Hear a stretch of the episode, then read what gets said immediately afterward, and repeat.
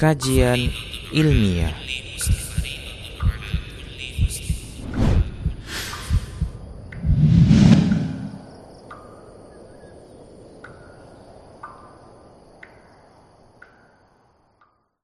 Assalamualaikum warahmatullahi wabarakatuh. Innal hamdalillah nahmaduhu wa nasta'inuhu wa nastaghfiruh wa billahi min anfusina وسيئات أعمالنا من يهده الله فهو المهتد ومن يضلل فلن تجد له وليا مرشدا. أشهد أن لا إله إلا الله وحده لا شريك له وأشهد أن محمدا عبده ورسوله الذي لا نبي بعده.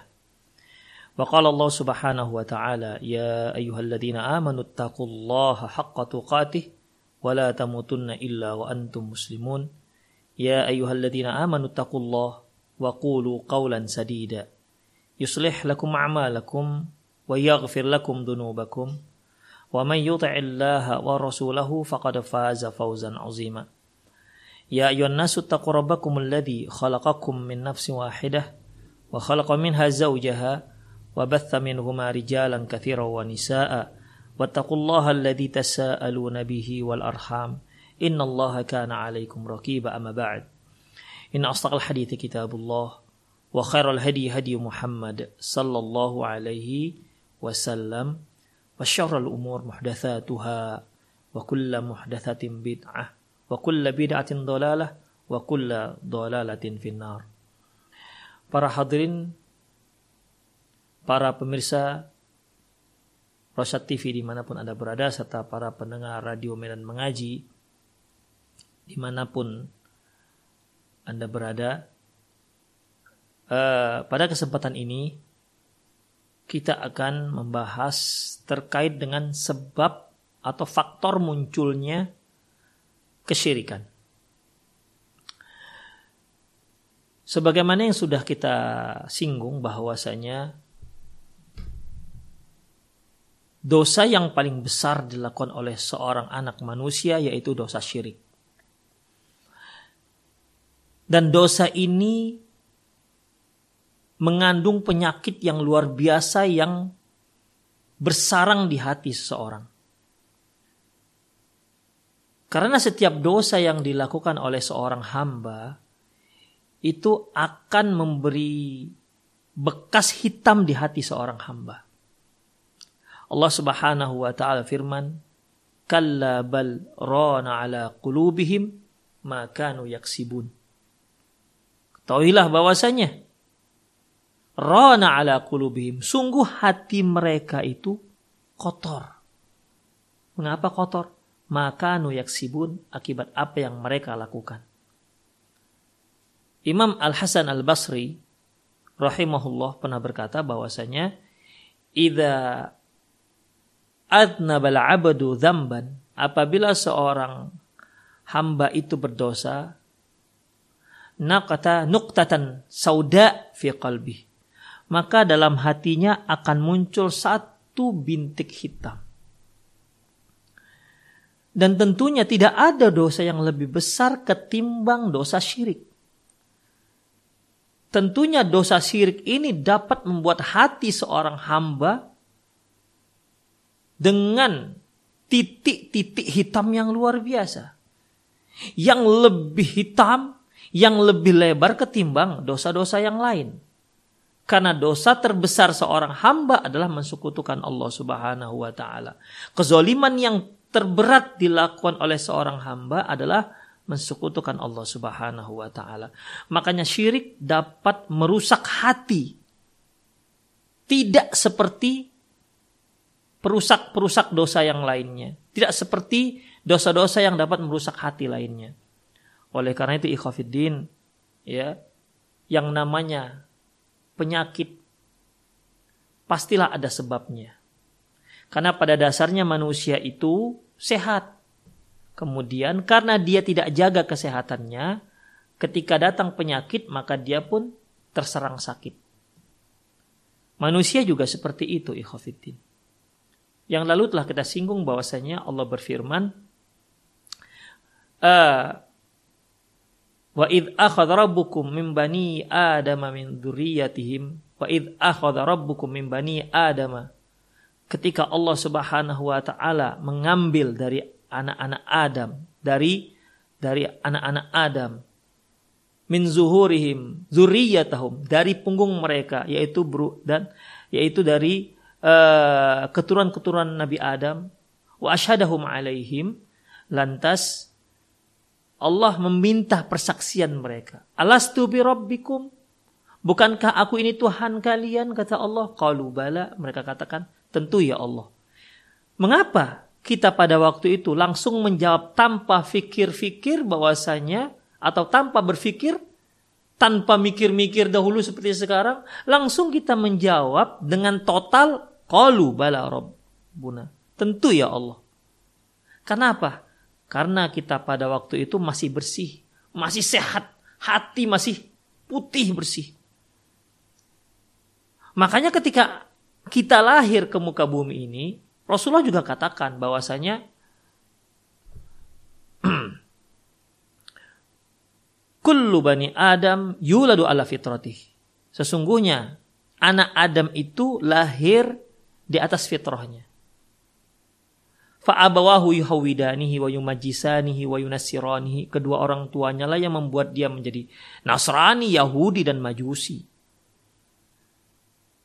Mereka-mereka inilah salah satu sebab maka munculnya lah yang namanya kesyirikan dan sebab-sebab yang lain. Tapi berikut ada beberapa hal yang perlu kita perhatikan tentang sebab-sebab kesyirikan. Di antara penyebab kesyirikan yaitu terlalu berlebihan dalam mengagumi dan menyanjung seseorang. Ikhwatifiddin, rahimakallah setiap orang itu punya idola ya. Pino punya idola terkadang idolanya seorang musikus atau mungkin idolanya seorang alim ulama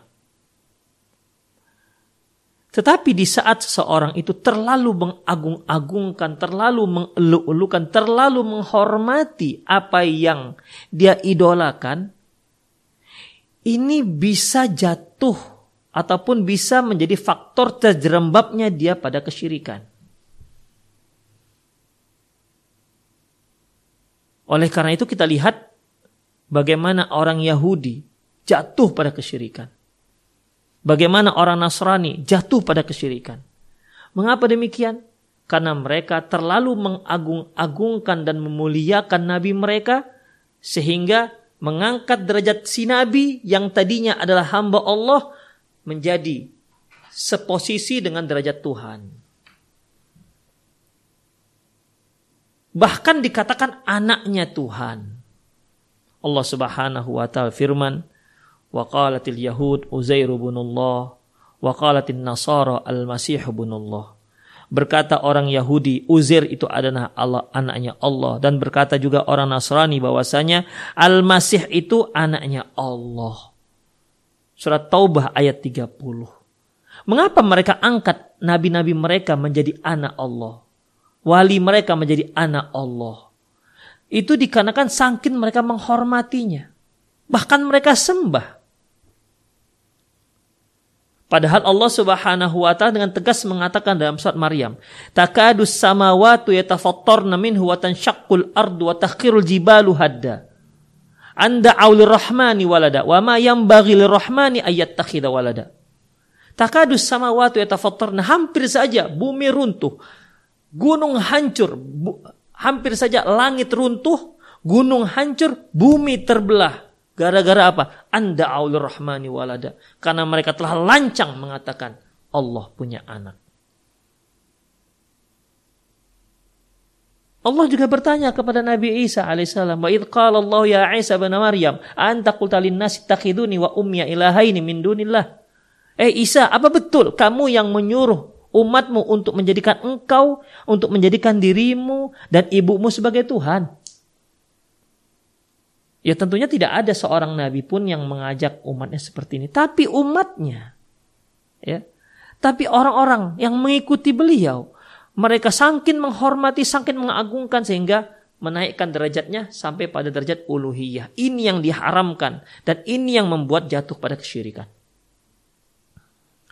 Itulah makanya Rasulullah Shallallahu Alaihi Wasallam pernah mengatakan, la tatruni kama atratin nasara Isa bin Maryam. Jangan sekali-sekali kalian mengagung-agungkan aku sebagaimana orang-orang Nasrani mengagung-agungkan Isa bin Maryam. Kulu katakan, maksudnya katakan Rasulullah itu adalah Abdullah wa Rasuluh. Katakan bahwasanya Muhammad itu adalah hamba Allah dan utusan Allah. Dia adalah hamba Allah, bukan Tuhan yang berhak untuk disembah. Tapi dia juga bukan manusia biasa. Dia adalah utusan Allah. Jadi sebagai seorang hamba, dia hamba. Dia adalah hambanya Allah Subhanahu wa taala. Bukan Rabb yang harus disembah, yang diagung-agungkan, apalagi harus dijadikan sebagai anaknya Allah. Nauzubillah min dzalik. Bukan, dia adalah hamba Allah. Tapi bukan hamba Allah yang yang seperti biasa. Dia adalah hamba Allah tapi menjadi utusan Allah Subhanahu wa taala. Kalau kita perhatikan lagi apa yang disembah oleh kaum Nuh alaihissalam. Kaum Nuh alaihissalam memiliki lima berhala yang mereka sembah. Waddan, Suwa, Yaguth, Ya'uk, Nasro. Ada lima. Lima berhala yang selalu mereka sembah. Abdullah ibn Abbas menceritakan tentang asal muasal lima berhala ini. Asal muasal lima berhala ini adalah dari lima orang soleh di mana lima orang soleh ini sangat dekat dengan Allah Subhanahu wa Ta'ala dan sangat dicintai oleh kaumnya. Ketika lima orang ini meninggal, ketika lima orang ini meninggal, Allah Subhanahu uh, ketika lima orang ini meninggal, setan membisikkan ke ke telinga mereka untuk memperingati jasa mereka, untuk memperingati uh, kesolehan mereka agar kita bisa meniru mereka maka buatkanlah patungnya. Dan itu ditanggapi diterima oleh kaum Nabi Nuh. Akhirnya dibuatlah patung lima orang soleh ini. Ingat tujuannya bukan untuk disembah tapi untuk mengingatkan jasa-jasa mereka. Sama seperti patung-patung yang biasa dibuat di negara kita ini ya seperti patung Sisingamangaraja yang ada di Jalan Sisingamangaraja di Kota Medan, seperti patung Ahmad Yani yang ada di depan Hotel Polonia dan patung-patung yang lain. Itu semua digunakan untuk apa? Dibangun untuk apa? Untuk mengingat jasa mereka. Atau patung Jogja kembali berapa orang di situ patungnya. Dan patung-patung yang lain, patung-patung pahlawan. Mengapa dibuatkan patungnya? Karena mengingat jasa mereka. Itu juga alasan maka kaum Nabi Nuh membuat patung. Mengingat jasa, ingat, bukan untuk disembah. Apa kata Ibnu Abbas? Falamma tala alaihimul amat. Ketika waktu berganti waktu, tahun berganti tahun, nasyala ilm. Dilupakan tujuan tersebut. Akhirnya generasi-generasi berikutnya menyembah itu patung. Dan Nabi Nuh alaihissalam ingin mengajak mereka untuk kembali kepada fitrah. Kembali kepada kesucian. Kalian jangan menyembah ini patung. Tapi ternyata Nabi Nuh alaihissalam ya tidak ditanggapi oleh kaumnya. Allah Subhanahu wa taala menceritakan kisah Nabi Nuh ini dalam surat Nuh. Di mana Nabi Nuh alaihissalam berkata, Qala Nuh rabbi innahum asawni wattaba'u man lam yaziduhu maluhu wa waladuhu illa khasara. Wa makaru makran kubbaro. Nabi Nuh berkata, "Wahai Rob, sungguhnya mereka telah berdurhaka kepadaku. Malah mereka mengikuti orang-orang yang tidak menambah harta mereka dan juga tidak menambah tak anak mereka yang mereka tambah itu malah kerugian. Wa makaru makran kubbaro. Malah mereka buat makar yang luar biasa. Wa qalu mereka katakan ya Allah. Ingat, di sini Nabi Nuh alaihissalam menyebutkan apa yang mereka katakan.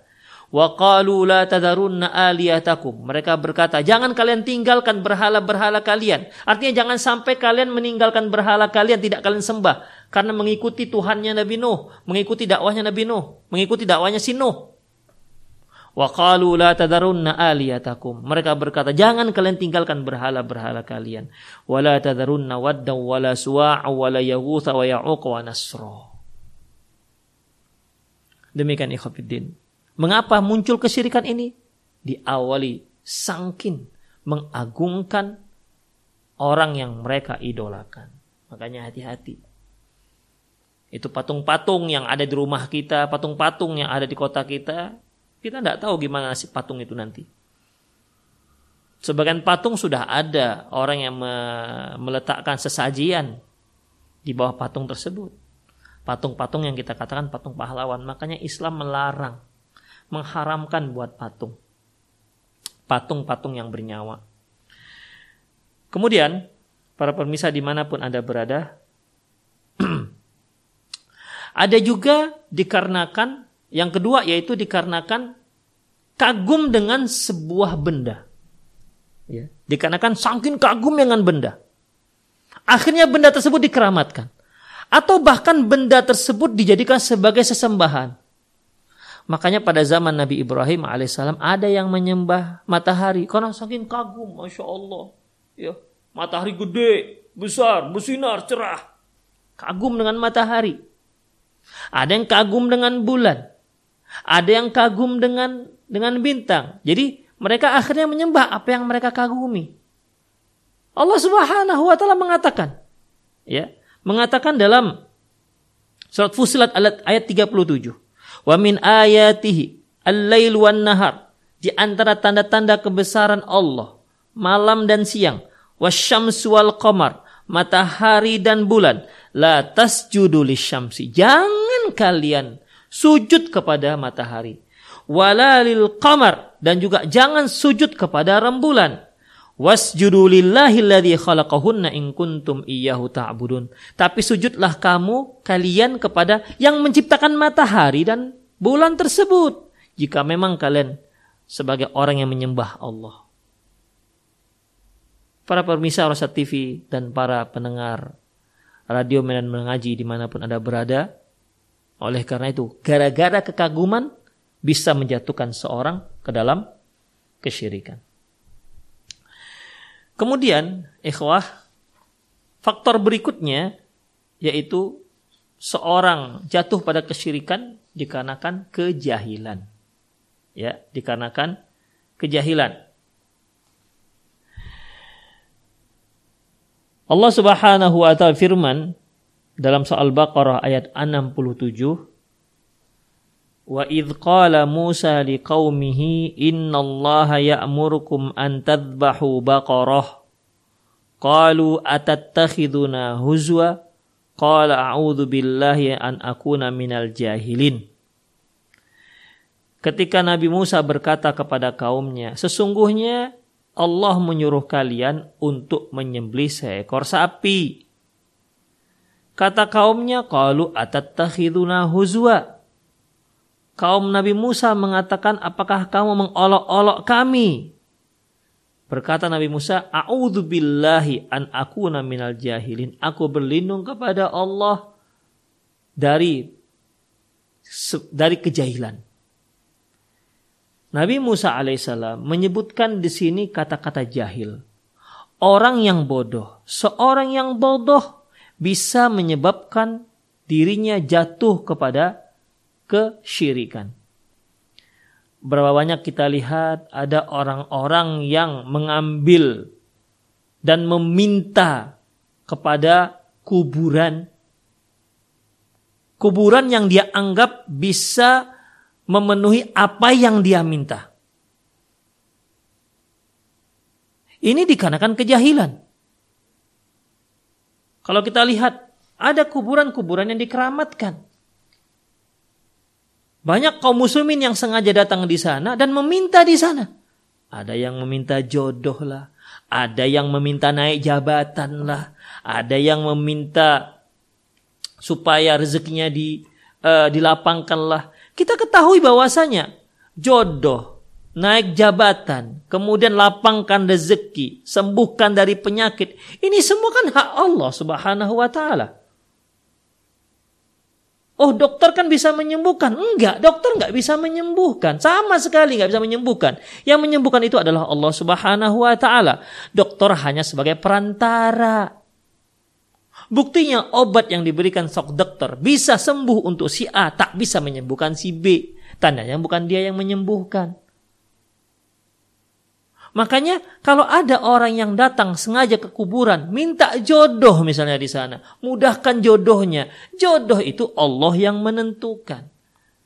Dia telah jatuh kepada kesyirikan karena itu merupakan hak Allah Subhanahu wa taala. Kalau hak Allah, mintalah kepada Allah.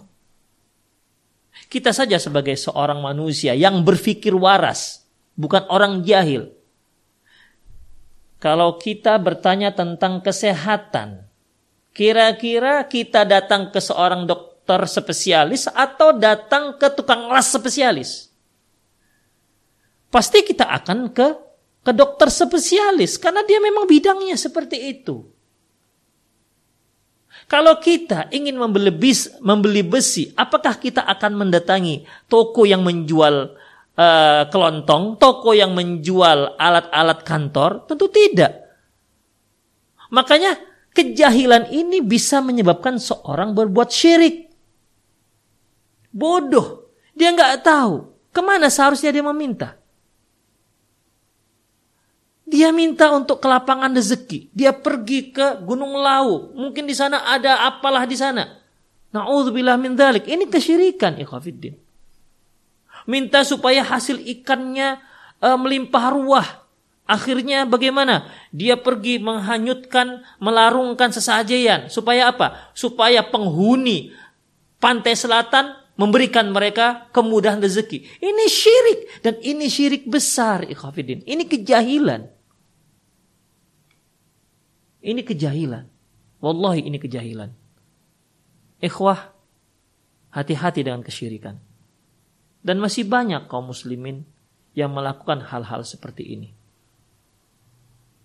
Ada lagi menganggap celaka gara-gara kuburan fulan.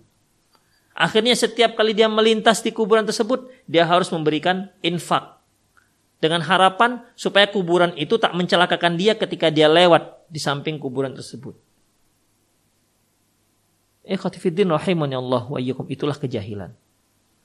Makanya ya, kejahilan faktor yang banyak menjadikan seseorang menyeret seseorang jatuh kepada kesyirikan. Faktor kejahilan ini juga yang da, yang banyak menyebabkan umat-umat rasul sebelumnya ingkar kepada rasul yang diutus Allah Subhanahu wa taala kepada mereka.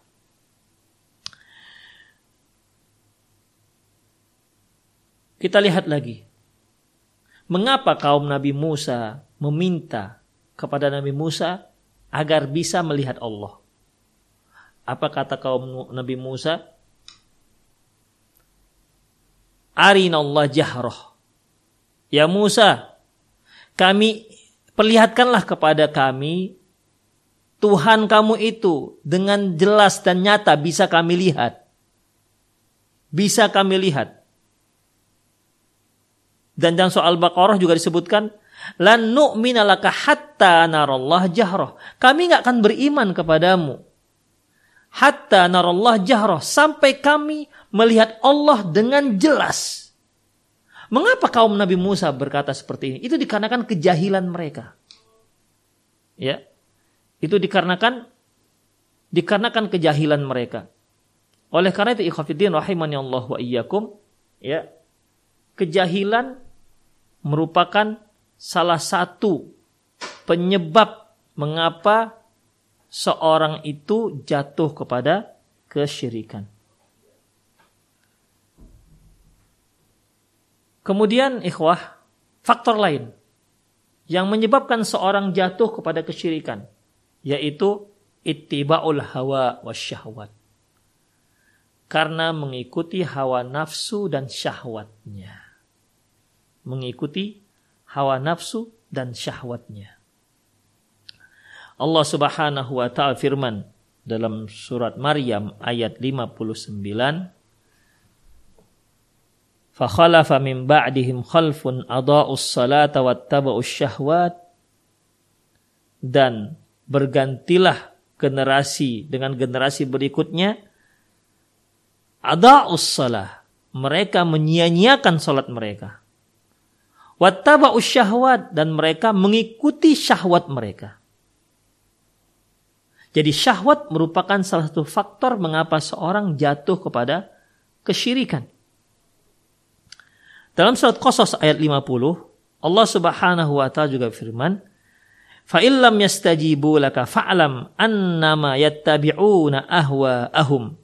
Kalau mereka tidak kalau mereka tidak uh, menjawab ataupun mengikuti ajakan engkau ya Muhammad fa'lam ketahuilah annama yattabi'una ahwa'ahum karena sesungguhnya Sesungguhnya mereka itu sedang mengikuti hawa nafsu mereka. Ikhwatifiddin, para pemirsa di mana pun Anda berada, kalau kita lihat, ya, mengapa orang-orang ahlul kitab tidak mengikuti Rasulullah Sallallahu Alaihi Wasallam? Itu dikarenakan tidak sesuai dengan dengan selera mereka. Mereka ingin nabi yang terakhir itu dari Bani Israel. Ternyata Allah angkat dari suku Arab. Sampai Allah mengatakan, "Alladzina atainahumul kitaba ya'rifunahu kama ya'rifuna abna'ahum." Sesungguhnya orang-orang yang kami beri kitab, mereka mengetahui Muhammad itu seperti mereka mengetahui anak-anak mereka. Ya. Jadi sebenarnya baik orang Yahudi maupun orang Nasrani, mereka tuh faham bahwasanya ini benar-benar Muhammad. Ya. Ini benar-benar Muhammad yang disebutkan dalam Taurat dan yang disebutkan juga dalam kitab mereka Injil. Karena masing-masing nabi itu akan mendapat rekomendasi dari dari nabi sebelumnya. Akan disebutkan dalam kitab yang diturunkan Allah sebelumnya. Wa idh wa idh qala Isa bin Maryam Wa idh qala Isa ya bani Israel berkata Isa wahai bani Israel inni rasulullah ilaikum sungguhnya aku itu merupakan utusan Allah kepada kalian musaddiqal lima baina yadayya minat Taurat yang ada pembenarannya yang ada rekomendasinya dari Taurat wa mubasysyiran bi rasulin. Dan aku juga memberi kabar gembira tentang seorang rasul. Ya'ti min ba'di. Yang datang setelahku ismu Ahmad. Namanya si Ahmad. Jadi Rasulullah Shallallahu Alaihi Wasallam sudah mendapat rekomendasi dari Rasul sebelumnya, sudah disebutkan ciri-cirinya. Makanya sebenarnya orang Yahudi dan orang Nasrani seharusnya mereka orang yang paling beriman dengan Rasulullah Sallallahu Alaihi Wasallam. Seharusnya mereka orang yang pertama yang beriman terhadap Rasulullah Sallallahu Alaihi Wasallam. Tapi karena nggak selera, nggak sesuai dengan selera mereka, karena mereka inginnya yang Rasul terakhir itu diangkat dari Bani Israel. Ternyata tidak. Allah mengangkat dari orang Arab. Makanya mereka tidak mau beriman pada Rasulullah Sallallahu Alaihi Wasallam. Jadi faktor hawa nafsu, syahwat di sini juga bisa menjadi penyebab seorang itu jatuh kepada kesyirikan. Faktor berikutnya yaitu kibr Kiber di sini sombong. Ya, angkuh, menganggap lebih dibandingkan yang lainnya. Rasulullah Shallallahu alaihi wasallam bersabda, la yadkhul jannah man kana fi qalbihi mithqala dzarratin min kibr. Tidak akan masuk surga barang siapa yang di hatinya ada kesombongan walaupun hanya sebesar semut. Tidak tidak bisa dia masuk ke dalam ke dalam surga. Mengapa mengapa Firaun tidak mau beriman pada Nabi Musa? Bukan karena dia tidak tahu. Bukan karena dia tidak yakin, dia yakin. Tapi dikarenakan kesombongannya, dia merasa dia tidak layak untuk jadi pengikut Nabi Musa alaihissalam.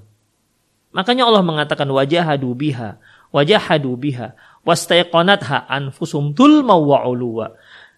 Mereka mengingkari Nabi Musa. Anfusum. Padahal hati mereka meyakini betul bahwa Musa ini adalah utusan Allah. Kenapa mereka tidak mau meyakini Mengapa mereka mengingkari padahal hati mereka mengakui kebenaran Nabi Musa? Zulman wa uluwa. Karena kezoliman. Inilah syahwat tadi. Wa uluwa. Karena takabur. Menganggap lebih. Si Fir'aun menganggap si Musa ini kan aku dapati, aku temui di sungai. Anak hanyutnya ini. Kok tiba-tiba dia menjadi rasul, utusan Allah, aku pula yang mengikuti dia. Itulah dia. Jadi dia katakan, gak pantas. Macam iblis. Ya, seperti iblis. Iblis kan ketika Allah Subhanahu wa taala menyuruh dia sujud, dia tak mau sujud. Allah katakan, "Ma mana aka Allah tasjuda id amartu." Kayak iblis, apa yang membuat kamu nggak mau sujud padahal aku perintahkan? Apa katanya? Ana khairum minhu. Kata si iblis, aku lebih hebat, lebih baik ketimbang si Adam. Khalaqatani min nar wa khalaqatahu min tin. Engkau jadikan aku dari api dan engkau jadikan si Adam dari tanah. Ini gara-gara apa? Gara-gara takabur. Gara-gara angkuh, sombong, merasa lebih hebat. Makanya ikhwah, kalau orang merasa dirinya lebih hebat dibandingkan orang lain, maka dia tidak akan bisa menerima nasihat dari orang tersebut. Makanya Rasulullah katakan al-kibru ghamtun nas batrul haq wa ghamtun nas. Yang dikatakan sombong itu adalah merendahkan manusia dan menolak kebenaran. Mengapa seorang tidak bisa menerima kebenaran dari orang lain? Dikarenakan salah satu faktornya dia menganggap rendah orang lain tersebut. Sehingga nasihat yang dia berikan tak diterima. Iya. Ada satu ungkapan orang Arab mengatakan bahwasanya yang artinya orang takabur itu dia seperti orang yang sedang berada di atas gunung. Dia melihat orang kecil, orang melihat dia juga kecil. Ya. Demikian. Dia melihat orang di bawahnya kecil. Dia menganggap dirinya besar. Dia lihat orang kecil. Sementara orang melihat dia juga sebenarnya kecil. Itulah dia penyakit kesombongan. Makanya sombong ini ikhwah. Merupakan maksiat pertama yang terjadi. Maksiat pertama yang terjadi di muka bumi ini. Maksiat yang pertama yang terjadi yang dilakukan oleh makhluk.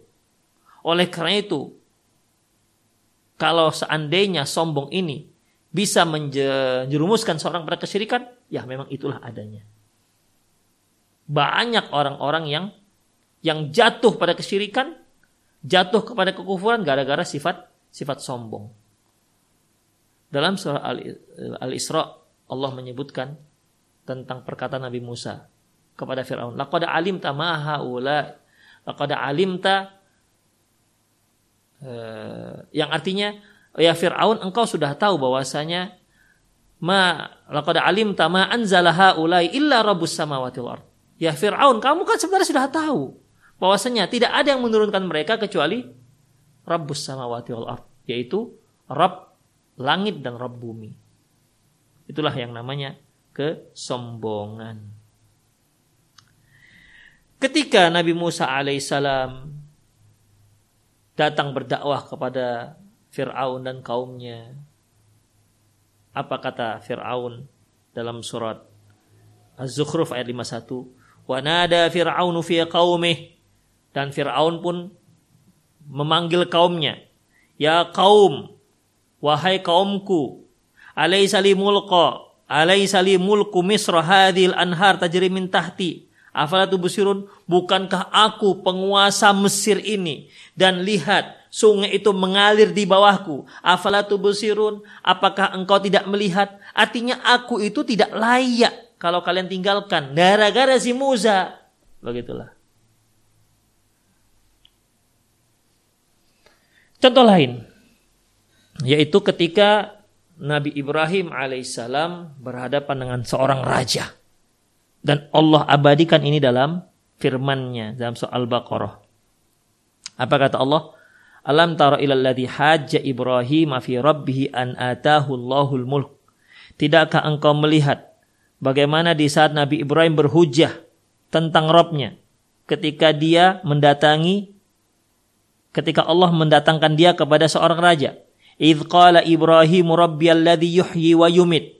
Kata Ibrahim, "Hei raja, Tuhan yang aku sembah, dia bisa menghidupkan dan bisa mematikan. Qala ana uhi wa umit. Kata si raja, aku juga bisa menghidupkan, aku juga bisa mematikan. Dia panggil dua orang hamba sahayanya, yang satu dia bunuh, yang satu dia biarkan hidup. Itu yang dia katakan menghidupkan, mematikan. Berarti Nabi Ibrahim tahu orang ini nggak faham. Kemudian Nabi Ibrahim alaihissalam memberikan hujah yang lain. Qala Ibrahim fa Allah ya'ti bisyamsi minal masyriq fa'ti biha minal maghrib. Sungguhnya Allah telah menerbitkan matahari dari timur ke barat. Fa'ti biha ilal maghrib. Kalau ente betul-betul wahai raja sebagai Tuhan, silahkan kamu balik. Terbitkan dari barat, benamkan ke ke timur. Kemudian fabuhital ladzi kafar. Bungkamlah orang-orang kafir. Wallahu la yahdil qaumadh dhalimin sesungguhnya Allah tidak akan memberi hidayah orang-orang yang yang zalim. Demikian. Jadi si raja sendiri sebenarnya faham dakwah Nabi Ibrahim itu benar, tapi dikarenakan angkuh, sombong, zul, merasa lebih hebat, makanya dia tidak mau mengikuti mengikuti Nabi Ibrahim alaihissalam. Penyebab berikutnya ikhwah at-taqlid, yaitu ikut-ikutan. Ikut-ikutan. Dan ini banyak kita lihat baik di luar Islam maupun dalam Islam. Para rasul alaihi musallam ketika mengajak kaumnya untuk menyembah Allah Subhanahu wa taala, banyak yang menolak dari kaumnya dengan alasan mengikuti ayah-ayah mereka. Dalam surat Zukhruf ayat 23, Allah Subhanahu wa taala firman, "Wa kadzalika ma arsalna min qablika fi qaryatin min nadhirin illa qala mutrafuha Demikianlah kami mengutus. Demikianlah tidaklah kami mengutus sebelum kamu di sebuah kampung dari para rasul orang-orang yang memberi peringatan illa qala mutrafuha kecuali orang-orang uh, orang-orang petinggi mereka mengatakan inna wajadana aba'ana ala ummatin Wa inna ala athari muqtadun. Ini sudah kami temukan yang seperti ini dari ayah-ayah kami. Dan kami hanya mengikuti ayah-ayah kami. Makanya ikhafiddin. Dalam beragama juga demikian. Kita tidak boleh semata Islamnya menjadi hanya sekedar keturunan. Belajarlah. Pelajari kembali agama kita. Ya, diricek kembali agama kita. Jangan hanya sekedar ikut-ikutan orang tua kita. Bisa saja orang tua kita karena nggak tahu dia melakukannya. Dia melakukan kebidaahan dikarenakan mungkin dia kira sunnah. Cobalah belajar ikhwafiddin. Karena agama itu akan dipertanggungjawabkan di hadapan Allah Subhanahu wa taala. Tidak bisa nanti kita jawab, "Ya Allah, kan aku mengikuti bapak saya." Itu bukan menjadi jawaban. Ya. Agama Islam ini turun dengan dalil dan dipertahankan juga dengan dalil Quran dan Sunnah Rasulullah Sallallahu Alaihi Wasallam. Makanya sifat hanya mengikuti taklid buta dari orang-orang sebelumnya itu merupakan sifat orang-orang kafir terdahulu. Tak mau mengikuti para nabi dikarenakan mereka mengikuti mengikuti ayah-ayah dan nenek-nenek moyang mereka. Itu yang dikatakan taklid. Yang ketujuh ikhwah yaitu dikarenakan tipuan setan. Dikarenakan tipuan setan ini ya, ini seperti yang telah kita apa namanya yang telah kita bahas tadi tentang lima berhala kaum Nuh. dan Suwa, Yaguth, Ya'uq, wa Nasroh. Ada lima. Ketika lima orang soleh ini mati, meninggal dunia, iblis tidak katakan, eh sembah mereka enggak. Tapi iblis akan melakukan penyesatan kepada mereka dengan step by step. Satu persatu. Sedikit demi sedikit. Selangkah demi selangkah. Dia tidak langsung katakan, kalian sembah mereka ya. Gak akan diterima oleh kaumnya. Tapi dia punya rencana jangka panjang. Bagaimana caranya? Dia suruh dulu dengan membuat patung. Alasannya? Ya, bagus alasannya, ya. Bagus alasannya untuk mengingat jasa mereka, untuk mengingat kesolehan mereka sehingga kita bisa melakukan kesolehan sebagaimana mereka yang telah lakukan. Itu awalnya. Tidak ada sedikit pun untuk menyembah mereka. Tidak ada niat sedikit pun untuk beribadah kepada patung-patung tersebut. Awalnya begitu. Tapi setan akan menyeret mereka sedikit demi sedikit. Itulah berbahayanya iblis ikhwafiddin. Ya seorang misalnya kalau iblis ingin menyeret dia pada perzinahan, itu awalnya tidak langsung zina. Awalnya mungkin pandang dulu, kemudian chattingan, sudah cocok, kemudian pingin ya video call dulu, pelan-pelan video call.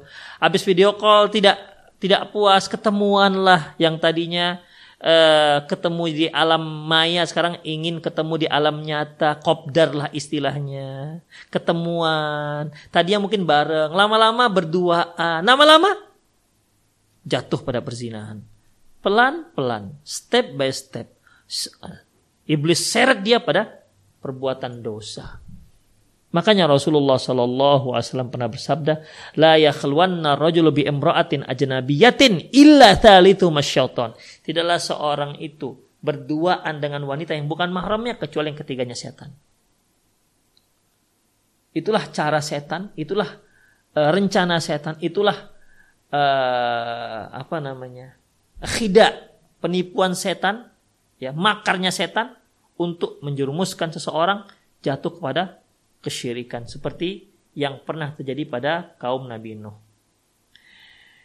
Yang terakhir, para pemirsa di mana pun Anda berada dan para pendengar radio Medan Mengaji di mana pun Anda berada, yang terakhir yaitu karena berpegang dengan hadis-hadis palsu. Karena berpegang dengan hadis-hadis palsu.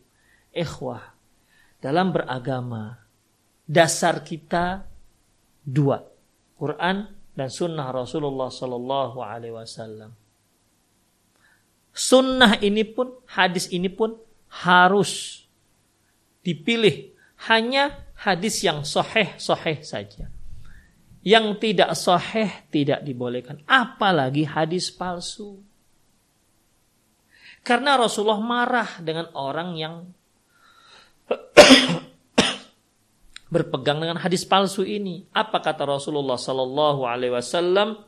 Man taqawwala alayya muta'ammidan falyatabawwa maq'adu minan nar. Barang siapa yang berdusta atas namaku, mana tem maka tempatnya dalam neraka.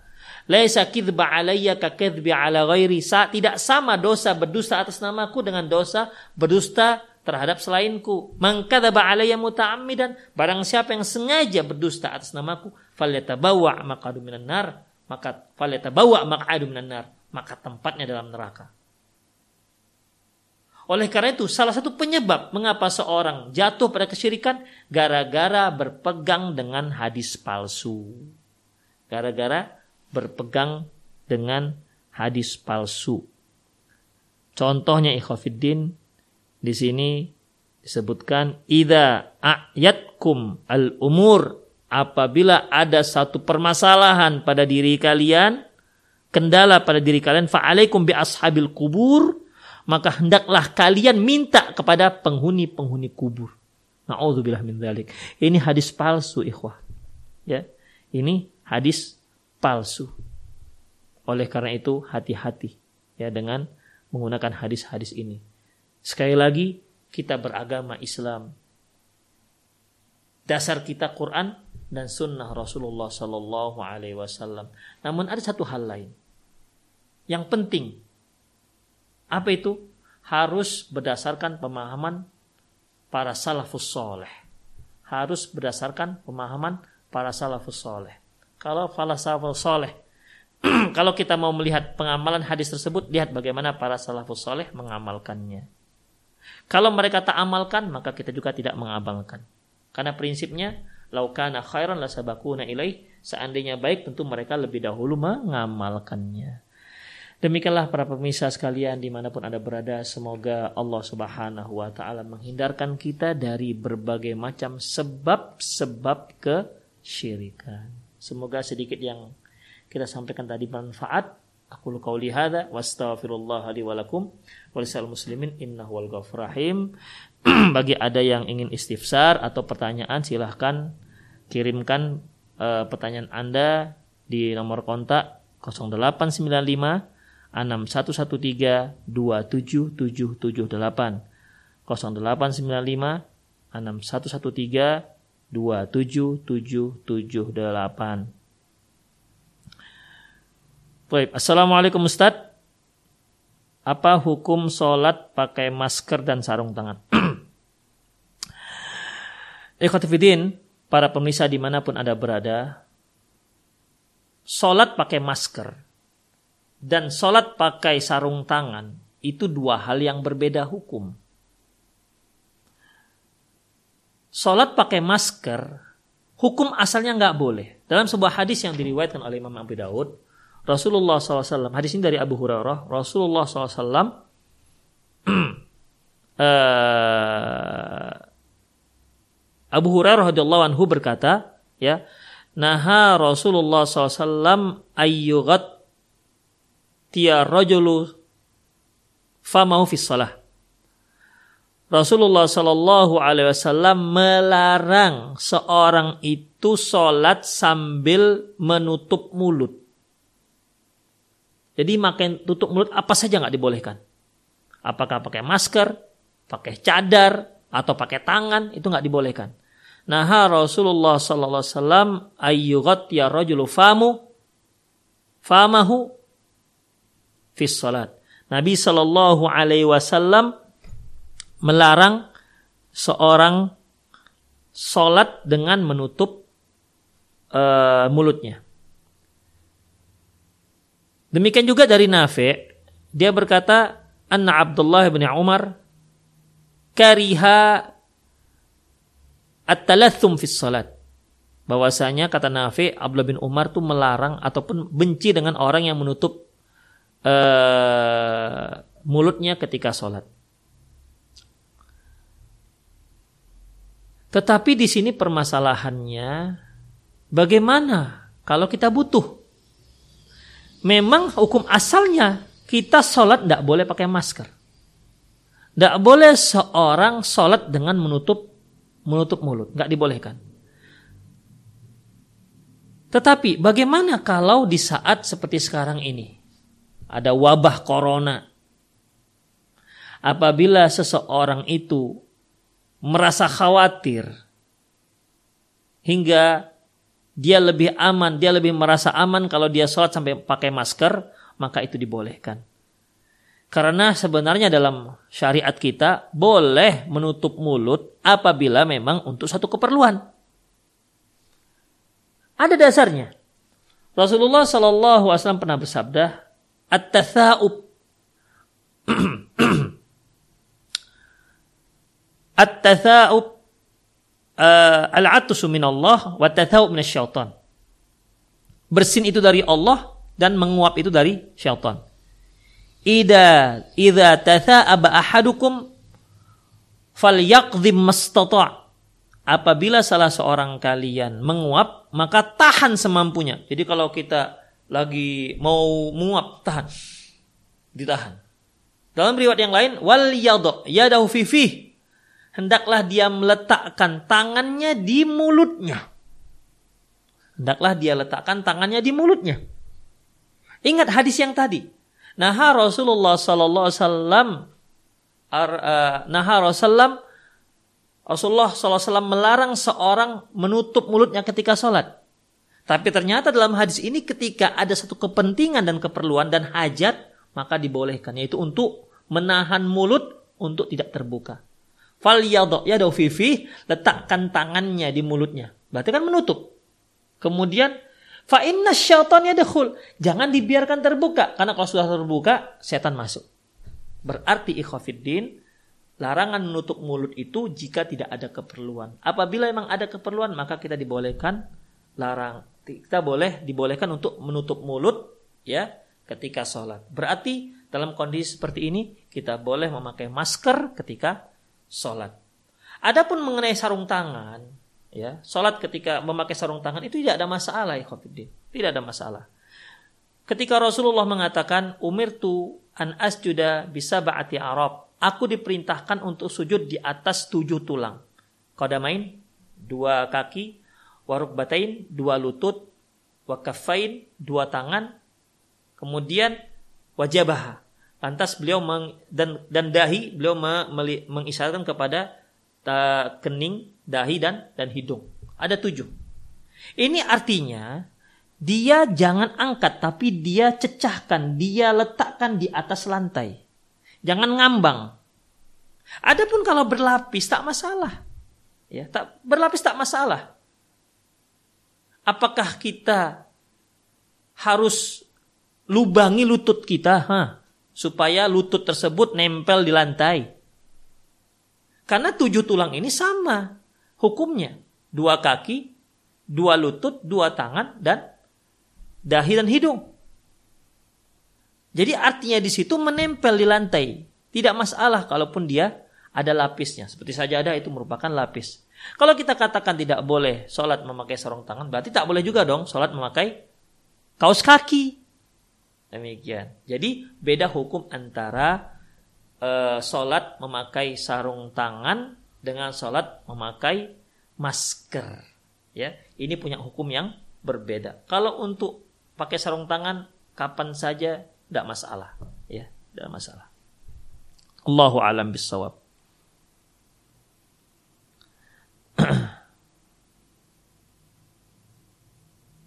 Ustadz, apa yang dimaksud makanan yang dibakar yang dianjurkan untuk mengambil wudhu kembali? Iya, ikhafiddin. Ya.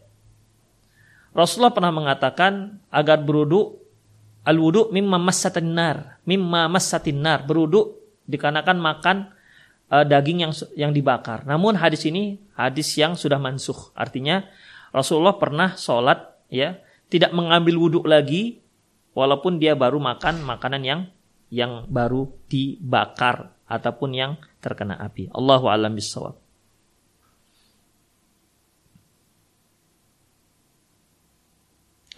Ustadz, apakah termasuk syirik kita meyakini bahwasanya ada yang bisa mengampuni dosa selain Allah? Bagaimana kalau kita ada kesalahan sama manusia kan harus minta maaf pada manusia. Ikhwah begini. Kita punya dua jenis dosa.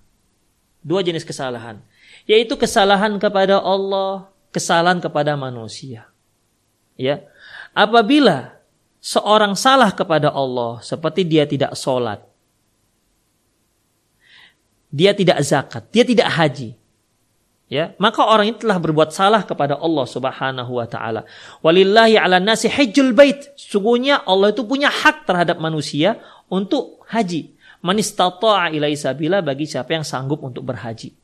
Makanya orang yang sudah sanggup haji, dia tak berhaji, dia durhaka kepada Allah, dia berbuat salah kepada Allah, dia dosa kepada Allah Subhanahu wa taala. Kemudian ada orang yang berdosa kepada manusia. Ya, berdosa kepada manusia dia telah berbuat salah kepada manusia. Misalnya dia telah mencuri hartanya. Ya. Dia mencuri hartanya. Maka untuk dua jenis ini, apabila kita bersalah kepada Allah Subhanahu wa taala, maka minta ampun kepada Allah Subhanahu wa taala. Dan apabila kita bersalah kepada manusia, maka kita minta ampun kepada Allah dan minta maaf kepada si manusia. Makanya kalau kita, kalau ada si A mencuri harta si B, kemudian dia tahu bahwasanya mencuri itu merupakan perkara yang dilarang oleh Allah Subhanahu wa taala. Lantas dia mohon ampun kepada Allah, ya Allah saya taubat nasuha dari pencurian ini.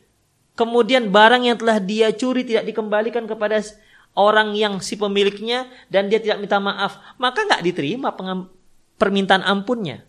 Jadi di samping dia minta ampun kepada Allah, karena yang telah dia ambil hak manusia, maka dia pulangkan hak tersebut kepada si pemiliknya, lantas dia mohon maaf kepada si pemiliknya. Kalau diampuni, alham, kalau dimaafkan, alhamdulillah. Kalau nggak dimaafkan, ya nanti urusannya di hadapan Allah nantinya. Makanya ikhwafidin, kalau kita bersalah kepada Allah, kita minta ampun, itu lebih mudah urusannya ketika kita bersalah kepada manusia. Allah sudah mengatakan, hai ambaku, Lau ataitani biqarabin min biqarabil biqarabil ardi khotoyan. Wahai hambaku, kalau kamu datang kepadaku bawa segudang kesalahan, sepenuh bumi, kau datang kepadaku dengan membawa dosa sepenuh bumi, tapi engkau tidak pernah berbuat syirik, maka akan aku datang ke, datang kepadamu dengan keampunannya juga sepenuh bumi. Syaratnya tidak berbuat syirik. Demikian. Kita mohon ampun kepada Allah. Lakukan taubatan nasuhah, Allah akan ampuni. Tapi, tapi kalau pada manusia, ya, di samping kita mohon ampun kepada Allah, kita juga harus minta maaf kepada manusia. Kalau Allah Subhanahu wa taala pasti dimaafkan, pasti diampuni oleh Allah. Allah itu tawwab. Allah itu ghafur, maha penerima taubat, maha pemberi maaf. Tapi manusia, itu hak dia. Kalau dia maafkan, Alhamdulillah, selesai urusan kita. Kalau dia nggak maafkan, ya sudah nanti di hadapan Allah diselesaikan. Itu hak dia. Makanya kalau ada orang mengatakan, e, kalau ada seorang meminta maaf pada temannya, akhi maaf ya, saya punya salah. Kenapa ini? Saya dulu pernah punya salah, saya pernah memfitnah antum begini-begini. Antas apa katanya? Aduh, saya nggak mau maafkan. Ya, jangan marah. Itu hak dia. Ya, itu hak dia. Makanya berhati-hati dengan hak manusia.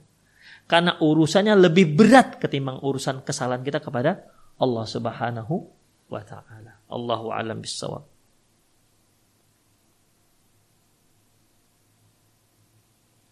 Menjelang Ramadan banyak yang melakukan ziarah kubur. Bagaimana hukumnya? Ikhwah, ibadah itu ada yang terkait dengan waktu, ada yang terkait dengan tempat, ada yang terkait dengan jumlah, ada yang terkait dengan jenis, ada yang terkait dengan kaifiat, dan ada juga yang terkait dengan sebab. Ziarah kubur, ya ziarah kubur adalah satu ibadah yang disunahkan dalam Islam. Kuntu nahaitukum an kubur. Dahulu aku pernah melarang kalian ziarah kubur. Ala fazuruha, sekarang silahkan kalian lakukan. Ziarahlah. Fa innahu tudzakirul akhirah karena dengan berziarah kubur dapat mengingatkan kalian hari akhirat. Baik. Namun ikhwah, perlu kita ketahui ziarah kubur itu suatu ibadah yang tidak terkait dengan waktu. Rasulullah pernah berziarah siang hari, Rasulullah juga pernah berziarah pada malam hari. Jadi silakan Anda berziarah pada malam hari, siang hari, asalkan jangan takut ya. Kalau takut jangan ziarah malam-malam ziarah siang hari, malam hari, ziarah di bulan Ramadan, di luar Ramadan, terserah, tidak ada masalah. Ya, karena bebas. Ziarah adalah satu ibadah yang tak terkait dengan waktu kapan saja silahkan. Tetapi yang jadi masalah, barang siapa yang meyakini bahwasanya lebih afdol berziarah sebelum Ramadan atau ketika Ramadan atau ketika hari Idul Fitri maka dia harus mendatangkan dalil. Mana dalilnya mengatakan berziarah pada waktu ini lebih afdol ketimbang waktu ini? Karena yang berhak untuk mengatakan ini lebih besar pahalanya ketimbang ini itu hanya Allah Subhanahu wa taala atau melalui melalui lisan Rasulullah sallallahu alaihi wasallam. Karena yang memberi pahala ini bukan kita, ikhwah. Yang memberi pahala ini Allah. Jadi tunggu saja informasi dari Allah Subhanahu wa taala. Kalau Allah katakan berziarah sebelum Ramadan itu lebih baik, lebih besar pahalanya ketimbang selain itu, maka silahkan lakukan. Silahkan lakukan dengan niat bahwasanya lebih besar pahalanya. Namun apabila tidak ada dalilnya, sementara kita melakukan dengan niat bahwasanya itu lebih besar pahalanya, maka bisa jatuh pada bid'ah. Bukan bid'ah ziarahnya, tapi mengkaitkannya dengan waktu. Pengkaitkannya dengan waktu. Ziarahnya disunahkan. Tapi uh, niat Anda yang mengkaitkan lebih afdol sebelum Ramadan atau lebih afdol ketika Ramadan atau lebih afdol ketika Idul Fitri, maka itu butuh perlu dalil. Ya, itu perlu dalil. Demikian. Jadi uh, bukan mutlak sebelum Ramadan bid'ah atau sunnah enggak. Itu tergantung dengan dalilnya. Makanya uh, bagi yang menyatakan lebih afdol di waktu ini dan waktu itu, maka dia harus datangkan dalilnya. Ikhwafiddin di Medan sudah mendekati waktu zuhur. Semoga Allah Subhanahu wa taala memberikan kita taufik dan hidayahnya dan menyampaikan kita pada bulan Ramadan. Demikian lebih dan kurang mohon maaf aku luka qauli hada wa astaghfirullah li wa lakum muslimin innahu wal ghafur rahim. Kita akhiri subhanakallahumma wa bihamdik asyhadu an la ilaha illa anta astaghfiruka wa atubu ilaik. Wassallallahu ala nabiyina Muhammad wa ala alihi wa ashabi ajma'in. Wa akhir da'wan alhamdulillah rabbil alamin dan jangan lupa jaga jarak, jauhi kerumunan dan di rumah saja. Assalamualaikum warahmatullahi wabarakatuh.